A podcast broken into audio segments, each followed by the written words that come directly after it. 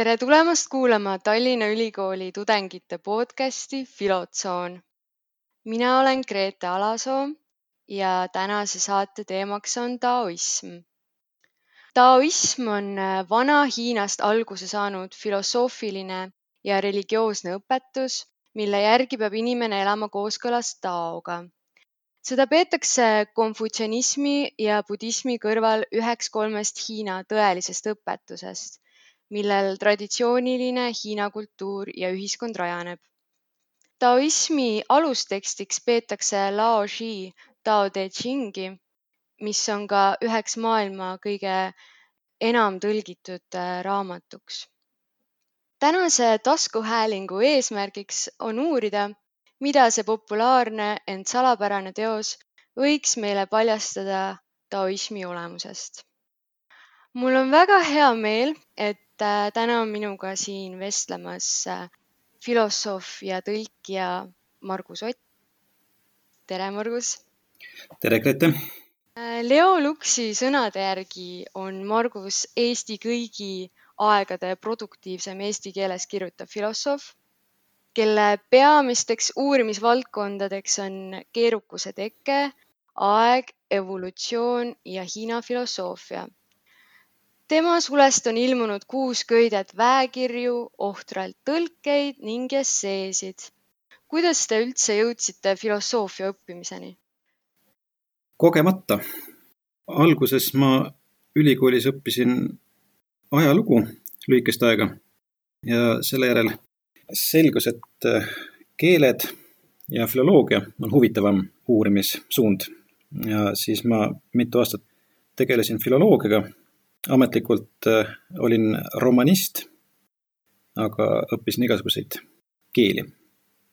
aga siis äh, jällegi kogemata sõber Mart Kangur vedas mind tuhande üheksasaja üheksakümne seitsmendal aastal Eesti Humanitaarinstituuti väisanud Tõnu Luige intensiivseminari Heideggeri kohta, kus äh, mulle tundus, et justkui seal oleks midagi, aga ei ole selge, mis täpselt. ja selle järel siis ma töötasin toona öövahina ja võtsin kätte Heideggeri teise raamatu. see seminar oli olnud äh, sissejuhatus metafüüsika peale. võtsin kätte Olemise ja aja ja siis mind tabas valgustus, kirgastumine. avanes eksistentsi uus mõõde. ja siis äh, sellest ajast peale hakkasin tegelema filosoofiaga. aga kuidas siis äh, sai alguse teie side taoismiga? Selline äh, veider lugu, et juba keskkooli ajal moodustasime sõpradega Konfutsiuse klubi puhtalt pulli pärast. soovis teha midagi nii absurdset kui vähegi võimalik. ja just toona oli ilmunud Mälli tõlkes mm, Vesteid ja vestlusi üheksakümmend üks, tuhat üheksasada üheksakümmend üks. ja siis, äh, siis ma tõepoolest ka lugesin seda raamatut. ega klubil mingit erilist tegevust ei olnudki, see oli lihtsalt sihuke poos. Aga mina seda raamatut ka lugesin ja sealt mulle jäi eeskätt kõrva kulgemise mõiste, nii et võib öelda, et ma noppisin Konfutsiusest välja taoismi siis äh, pärast äh, Humanitaarinstituudis, äh, see oli selline väike seltskond ja siis seal erinevad erialad käisid omavahel tihedalt läbi. ma olin küll romanist, aga käisin tihedalt läbi filosoofide, semiootikute, orientalistide, ajaloolaste, teoloogide, igasuguste muude eri, erialadega. ja siis meil seal seltskonnas oli ka väga suur tsenni ehk hiina keeles Chan'i vaimustus. sai loetud Daiset Tetero Suzukit, kes Zen'i Ameerikas populariseeris. ja ma isegi pusisin Dogenit lugeda originaalis, jaapani keeles. ja nagu ma loodan, et siit neist kahest eh, podcast'ist eh, ka välja tuleb. Eh, nimelt Hiina Chan ehk jaapani keeles zen budism on, ongi tugevalt taoismist mõjutatud nii et seda võib lugeda selliseks teiseks kokkupuuteks, aga tõsisemalt hakkasin tegelema Hiinas olles. Esimest korda, kui ma Hiinas olin aastal kaks tuhat seitse, kaks tuhat kaheksa. Siis sõber pistis mulle pihku Šveitsi sinoloogi Jean-Francois Bletee ühe väikse raamatukese Zhuangzi kohta. ja sealt ma sain võtme, kust ma siis sain Zhuangzile ligi ja sest peale ma olen siis järjepidevalt enam-vähem, eeskätt just Zhuangziga tegelenud. ehk siis põhimõtteliselt äh, võib öelda, et Konfutsiuse, Konfutsius oli nagu teie esimene kokkupuude filosoofiaga või, või selles suhtes üheksakümmend üks aasta ja te olite siis mingi päris noor vist või? siis ma olin kesk, keskkoolis jah yeah.. võib öelda küll jah, et Hiina filosoofiaga puutusin ma kokku enne kui filosoofiaga. meil keskkoolis oli ka filosoofiakursus, aga see tuli minu meelest hiljem, kas üheksakümmend kaks või üheksakümmend, jah, üheksakümmend kaks võis olla.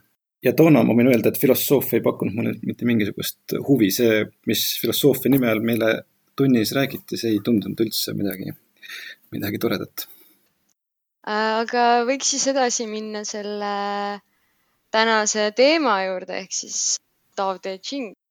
umbes viis kuni kuus sajandit äh, enne meie aja arvamist elas äh, Kesk-Hiinas Louis, Luiyangis kuningliku arhivaarina töötanud Lao Zi, kes kirjutas raamatu nimega Tao Te Ching ehk kulgemise vääraamat. Ja see kulgemise väeraamat koosneb pisut enam kui viie tuhandest kirjamärgist äh, ning on jagatud kaheksakümne üheks peatükiks, mis omakorda on koondatud kahte ossa, kulgemise raamat ja väeraamat. kes äh, oli see salapärane Lao Shi, kes selle raamatu kirjutas ning mida see Tao Te Ching, äh, millest see kõneleb ja mis, mis raamat see on selline? eelmärkuse korras ma ütlen seda, et ma kasutan nii raamatu kui ka selle väidetava autori kohta sama äh, nimetust äh, laotse nagu Hiinas kombeks. et seda teksti tõepoolest tähistatakse ka nimetusega kulgemise ja väe lõimetekst, Tao Te Ching. Ja see on ka korrektne tähistus, aga lihtsalt harjumusest ma nimetan teksti ka laotseks. nagu Hiinas on paljud tekstid, paljud Vana-Hiina tekstid tähistatud autori nimega nagu Mangzi, Zhuangzi, Xunzi, Hanfeizi. nüüd, mis seda väidetavat autorit puudutab, siis äh, te jah, tsiteerisite ühte Laotse kohta käibivat legendi ja neid legendi on teisi ka.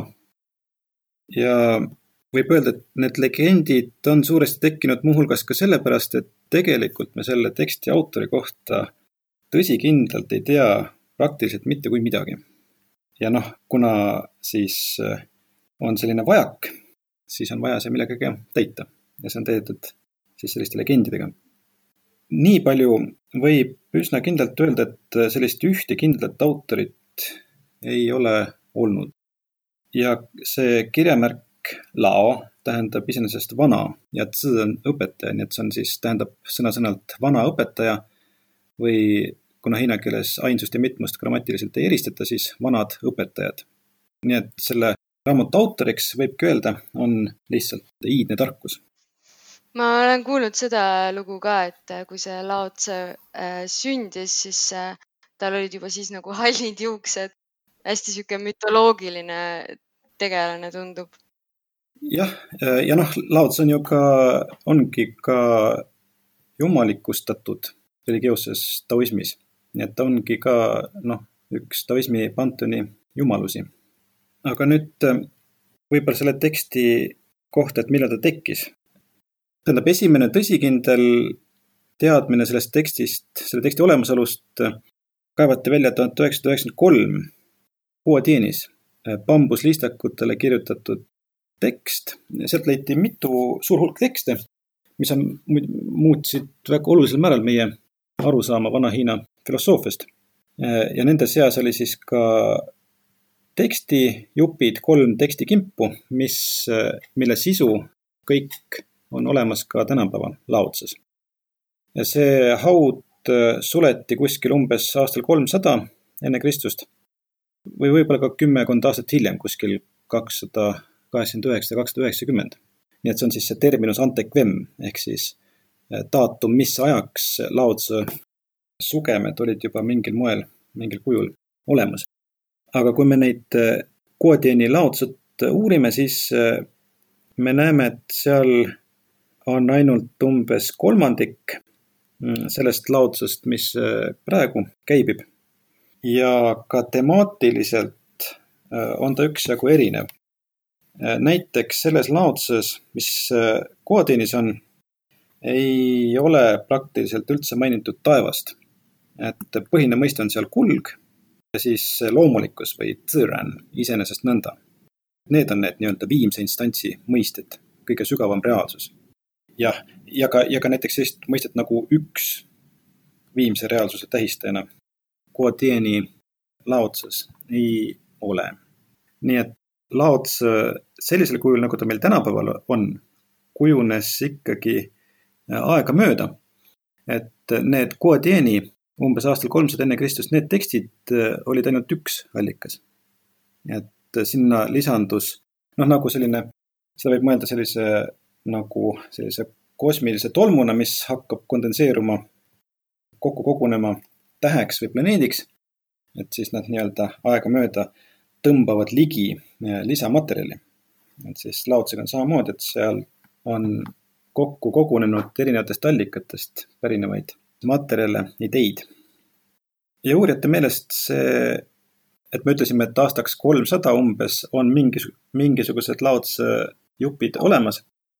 aga mis ajast nad siis pärinevad, vähemasti mõningate uurijate meelest nad ei ole ka väga palju varasemast ajast, ehk ikkagi kuskil seal neljanda sajandi teisest poolest või sealt lõpupoolest sellist infopuudust autori kohta mm, saab võtta omakorda infoallikana sest üldiselt Hiina tekstides on ikka viiteid mingisugustele siis muistsetele autoriteetidele või siis tänapäeva mingisugusele autoriteetsele õpetajale, noh nagu Konfutsius vestletes ja vestlustes.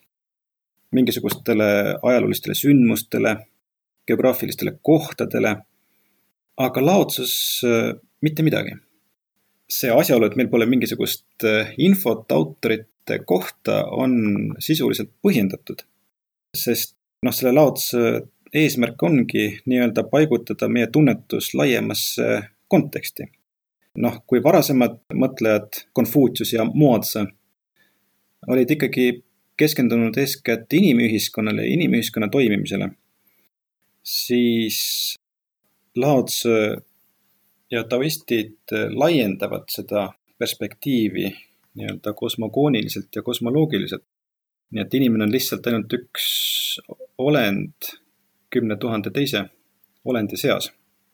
ja, et mulle meenus sellega tegelikult ka see, et Alari Allik on äh, vist öelnud äh, zen munkade kohta, et, äh, et need keskaja mungad, kelle kohta me saame lugeda mingisuguseid teoseid või tekste, et need olid tegelikult need, kes olid läbi kukkunud, sest et kui sa olid õige munk, siis sa ei tohtinud jätta endast mingisugust materjali maha, et sa pidid nagu olema täiesti anonüümne.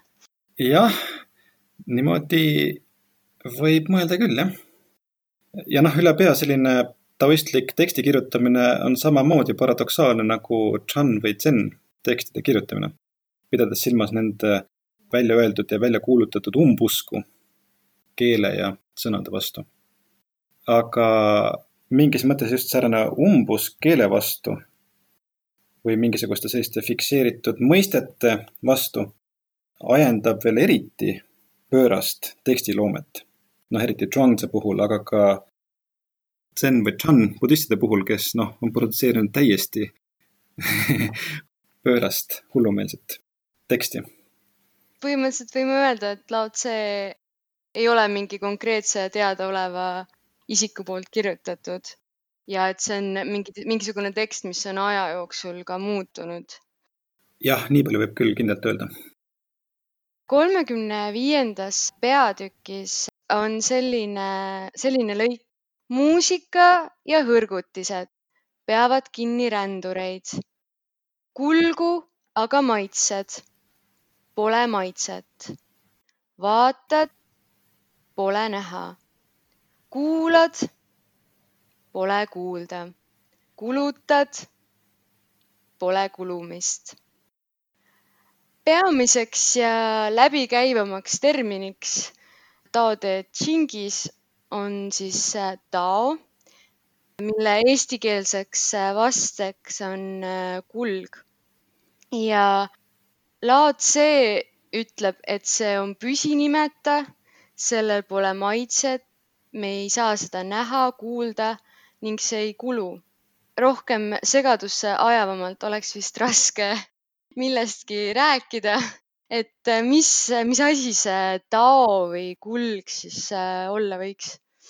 jah, et selle mõiste puhul märgib Laots ka sellist olulist edasiminekut sellise mõiste loomise teel.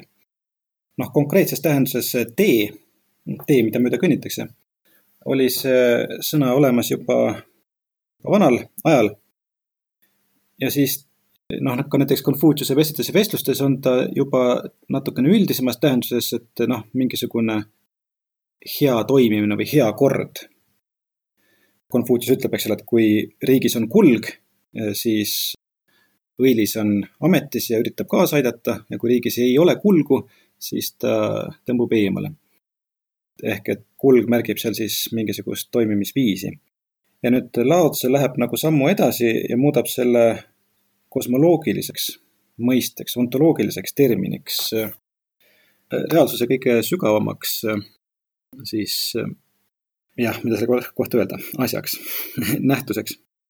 Nii ka ei saa öelda et varasemal ajal oli selleks eh, lõplikuks või kõige sügavamaks reaalsuseks üldiselt olnud taevas. nii on see Konfutsiusel, nii on see Moatsel, nii on see Zhuangzil ja, ja nii on see, ja nii on see ka Lao Tzu enda mõningates osades, mis on sinna hiljem juurde pandud. aga just, kui me vaatame seal Guodieni neid Lao Tzu juppe, siis seal selleks viimseks reaalsuseks on jah, kulg või siis nõndaolu, loomulikkus. sest taevas käib, eks ole, paaris maaga, taevas, maa, hele, tume. ehk see moodustab mingisuguse paari, aga kui meil on mingisugune paar, siis tekib kohe küsimus selle järel, et noh, mis alusel nad lävivad. ehk et tundub, et on vaja postuleerida mingisugune äh, sügavam mõiste, mis neid siis omakorda liigendab. Ja selleks ongi siis kulg. nüüd selle äh, maitsetuse juurde. muide, selle kohta on prantsuse sinoloog Francois Julien kirjutanud hea huvitava raamatu äh, maitsetuse kiituseks. Eloge du fadeur, mis puudutab just nimelt seda maitsetuse mõistet. üldiselt, eks ole, maitsetus on noh, Eestis ka tavakeeles negatiivse tähendusega, eks ole, et mage lugu et noh, midagi on nagu niru või kehvasti. aga mis on selle taoistliku maitsetuse metafoori aluseks? seda ei ole ka sugugi raske mõista. noh, näiteks kui meil on mage supp või ütleme üldisemalt mage toit, siis sinna saab erinevaid maitseaineid lisades anda sellele toidule hoopis erineva maitse. Aga, aga kui me oleme selle maitseaine juba sinna sisse pannud, vaat siis ära võtta teda juba sealt enam hästi ei anna. ehk kui meil on juba pipar seal toidu sees, siis see toit on piprane, siis teda enam magusaks ei tee. kas sa võiks siis nagu viidata lihtsale elule, lihtsale olemisele, et me oleme hästi naturaalsed? see on jah, üks oluline komponent seal küll jah. et seda metafoori võibki jah käsitleda nagu erinevatel tasanditel üks tasand on tõepoolest selline lihtsalt äh, noh, tõdemus, et äh, nii-öelda lihtne elu on vähem kurnav. et sa ei muretse igasuguste äh, luksusasjade pärast, ei jookse oma ihade järel nii palju, vaid noh, lepid lihtsaga. aga nüüd teisel tasandil saab seda võtta ka veelgi sügavamalt või nii-öelda ontoloogiliselt. puudutab olemist ennast, eks ole et kui me räägime sellest nii-öelda erinevatest maitsetest, siis noh, need toovad seda toitu kätte mingil kindlal kujul. toit oma magedas faasis võib omandada väga erineva maitse, teda võib teha, suunata soolaseks, magusaks, pipraseks.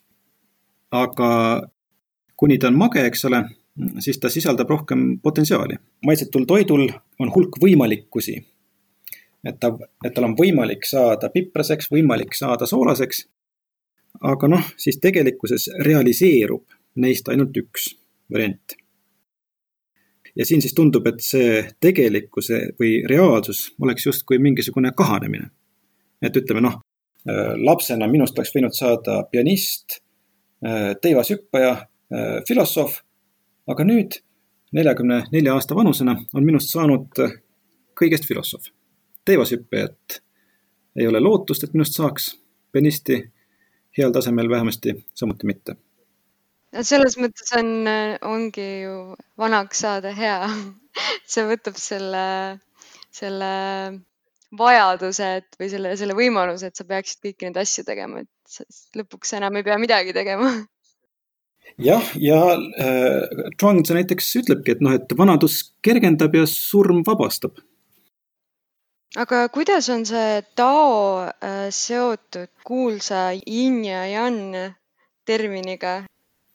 jah, see on ka üks Lao Tse tuumseid äh, mõtteid siin tekstis. üks on see, et äh, tegelikkust iseloomustab siis selline kulg, mis siis liigendab kõiki, kogu seda tegelikkust. ja teiseks on siis see, et äh, see liigendus ei ole suvaline, vaid nii ajaliselt, ruumiliselt kui loogiliselt äh, see kaldub esinema mingisuguste polaarsustena, mille üldtähistuseks äh, said in ja yang või siis noh, sellega hiljem seostati ka viie faasi analüüsi. Noh, see metall, puu, tuli, vesi, maa. et ütleme, et tegelikkus kaldub siis ilmnema selliste polaarsustena, eks ole, et noh, hea ja halb, ka mees ja naine või siis ütleme ajaliselt kasvamine ja kahanemine või ütleme selline õitseng ja mandumine.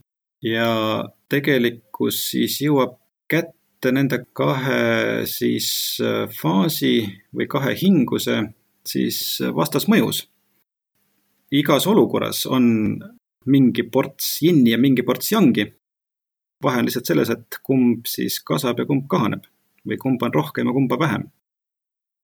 ja mis on laotse, eeskätt just laotse eripära, on yin energia, yin hinguse rõhutamine. pehme, naiselik, järeleandlik, tume, hämar, selle aspekti rõhutamine ja sellel on täiesti ratsionaalne või arusaadav alus. ja see seostub isegi noh, täiesti üldlevinud rahvatarkustega. ka eesti keeles mingisugused vanasõnad, eks ole, et uhkus ajab upakile ja pill tuleb pika ilu peale ja et kui sa liiga palju ennast esile sead, eks ole, siis võib oodata tagasilööki, et kui sa oled liiga young, liiga pealetükkiv, noh, siis see tekitab teistes trotsi, vastuseisu ja nad hea meelega sikutaksid sind maha. aga kui sa nii-öelda sead ennast tahapoole, jääd teiste suhtes äh, hämaraks, sa, sa nii-öelda ei ütle välja, ei ilmuta oma taotlusi väga selgelt, siis äh, noh, see ei tekita mingeid probleeme. teistel pole kuskilt kinni hakata. noh, nagu mõni ümarpoliitik näiteks, eks ole, et noh, räägid sellist ümmargust juttu, eks ole, ja kuskilt ei ole kinni hakata. et see on sulle väga kasulik. Äh, mulle endale jäi seda Lao Tse teksti lugedes mulje, et ta oli tõesti selline hästi mässumeelne, et ta üritas ütelda kõike täpselt vastupidi sellele, mida me oleme harjunud mõtlema.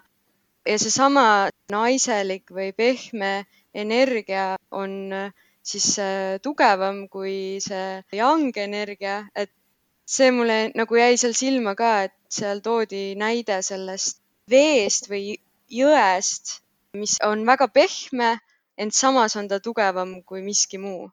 just jah, eks ole, veeenergia, eks ole, et noh, ma ei tea, kuskil tamm murdub, millist laastustööd see jõgi teeb. Või kui ütleme, hüpata hästi kõrgelt vette, eks ole võib jalaluud murda. ent samas on vesi nii lihtne, et me saame tast käe läbi panna, kui me ekraanist laseme teda. jah, ja ta võtab mis tahes kuju talle antakse või noh, mis tahes kuju ta kohtab maastikul ümbruses. jah, see veemetafoor on väga oluline, et see haakub ideaaliga inimesest, kes äh, tõepoolest nii-öelda oskab võtta täpselt sobiva vormi sellisesse olukorda, mis parasjagu on. Märt Läänemets on äh, sellesama Lao Tse teksti kohta öelnud, et selle teksti mõistmise raskused äh, tulevad lihtsalt äh, puht filoloogilistest asjaoludest, et kui me seda loeme, siis see jätab väga sellise segase ja müstilise mulje, aga tegelikult see on palju lihtsam, see põhjus, miks see tekst sellise mulje meile jätab. Ja see on lihtsalt sellepärast, et see keelekasutus, teksti kompositsioon ja mõistesüsteem on meile liiga võõras.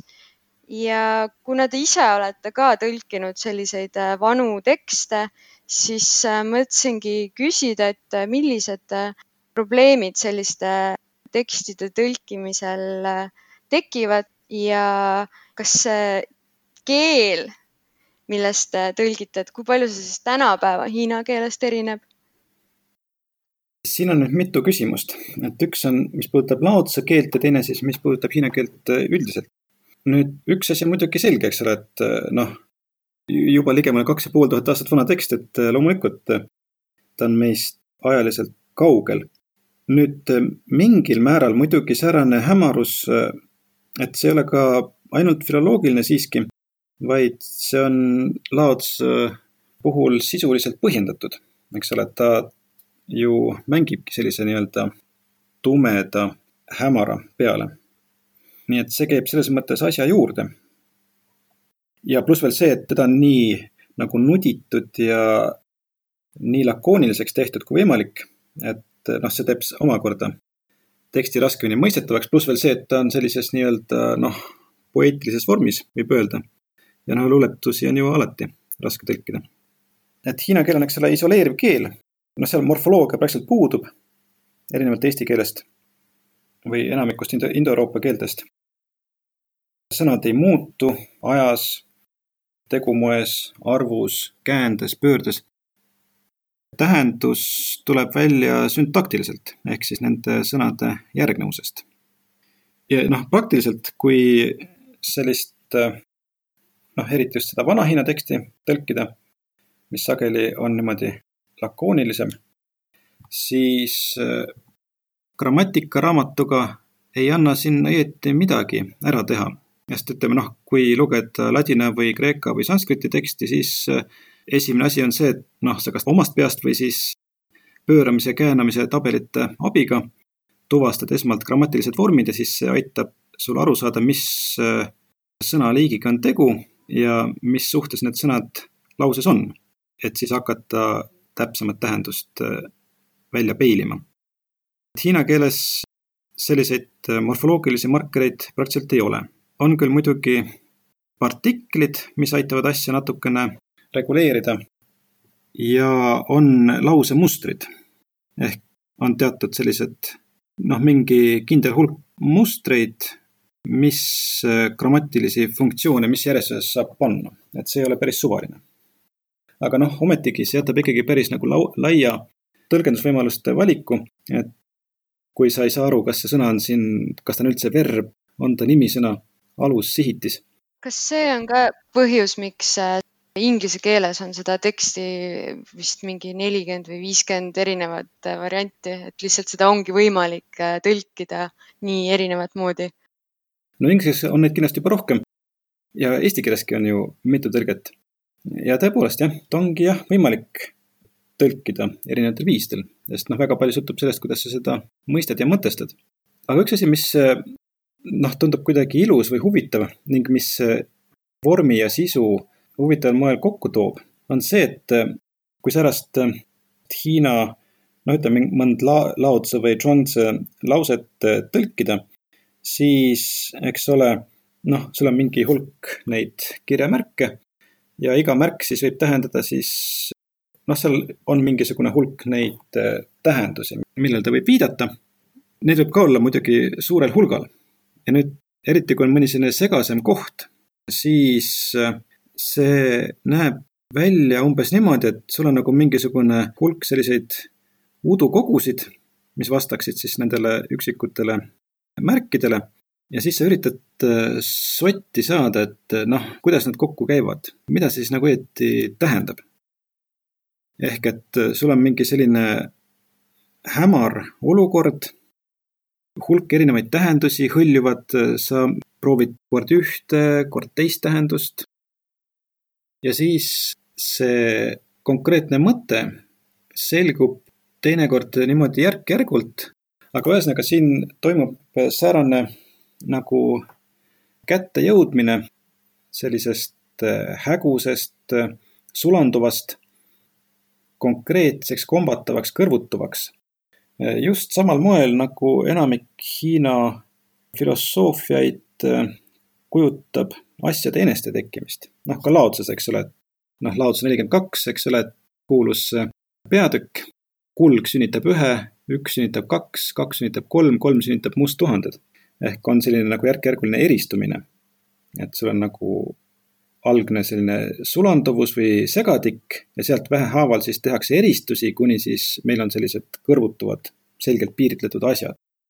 et hiina keelega või hiina lause mõistmisega on sageli samasugune olukord, et sul on nagu selline segane olukord alguses ja siis äh, vähehaaval suudad seal hakata tegema eristusi ja siis välja pakkuda mingisuguse sellise nagu selgepiirilise tähenduse lisaks sellele kulu mõistele äh, on teine mõiste selles Lao Tse tekstis vägi, et nagu see teos on ise koondatud ka kahte ossa, et kulgemise raamat ja vääraamat. et äh, mida see vägi, mida see vägi tähendab? jah, et vägi tähendab äh, mitut asja. et ühest küljest noh, konfutsiaanlikus kontekstis võib see tähendada lihtsalt voorust, et noh, et sa oled inimlik, kohane, tark ja nii edasi, et neid kõiki võib nimetada äh, siis vooruseks, tõõ. aga nüüd äh, juba vanal hallil ajal mm, selle tõe all mõisteti ka säärast äh, karismaatilist väge, mis justkui kiirgab inimesest või eeskätt valitsejast välja. ja noh, mulle endale tundub, et seda võib ka ise kogeda või vähemasti mina olen kokku puutunud sääraste inimestega, kes kiirgavad sellist karismaatilist väge. näiteks minu vanatädi Muhumaalt, nii-öelda lihtne inimene, õigeusklik, äh, elas üksi ja raske on seletada, miks, aga kiirgas väge. no ta oli ka tõepoolest hea ja altruistlik ja abivalmis inimene, aga noh seal oli justkui veel midagi enamat. ehk säärane nii-öelda mm, jah, karisma, mis mõnel inimesel on ja mis kuidagi kütkestab. et vot see on ka tõe.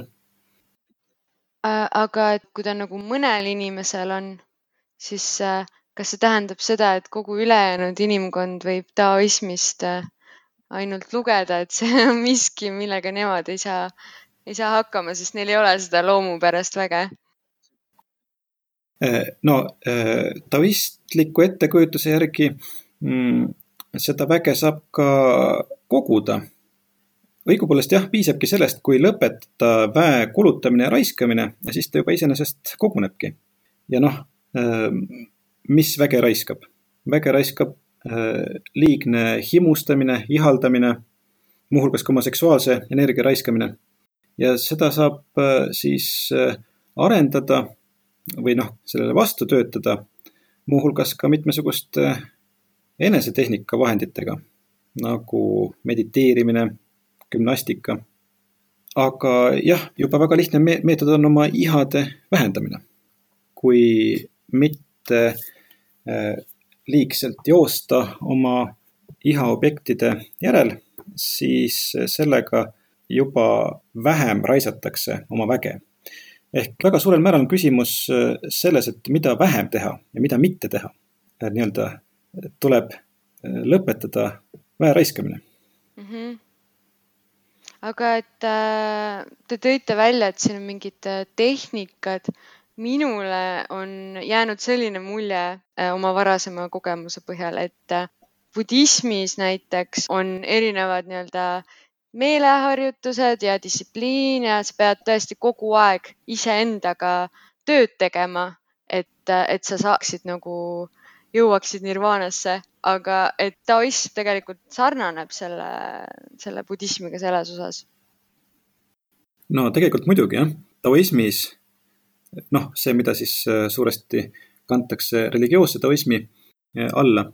kusjuures hiina keeles on eraldi mõisted selle kohta, üks on tao jiao, on siis see nii-öelda religioosne taoism ja tao jia on siis äh, nii-öelda filosoofiline taoism.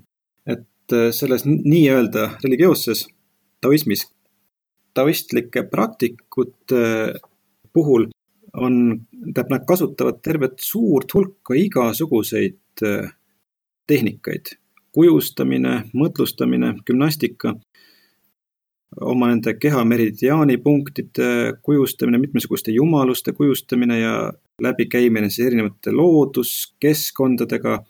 see võimaluste vanik on ka hästi suur et äh, tänapäeval näiteks äh, oleks mul võimalik äh, minna Hiinas kuskile taoistlikusse templisse õppima?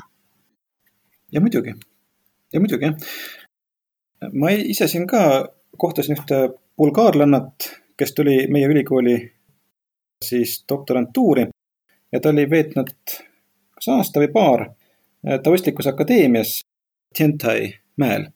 Tiantai on muidu kuulus eeskätt Tiantai budismi poolest, aga see on olnud ka oluline taoismi keskus ja just seal hiljuti või noh, mitte väga ammu, seal rajati tohutu suur taoistlik akadeemia, kus ma paar aastat tagasi ka käisin külas. Ja seal on mungad ja nunnad ja noh, neil on seal oma programm, mida nad teevad nii teoreet-, nii-öelda teoreetilised kui ka praktilised õppeained nii-öelda või harjutused. ja tõepoolest jah, see bulgaarlane, keda ma siin kohtasin, oli siis terve aasta või isegi kaks seal veetnud.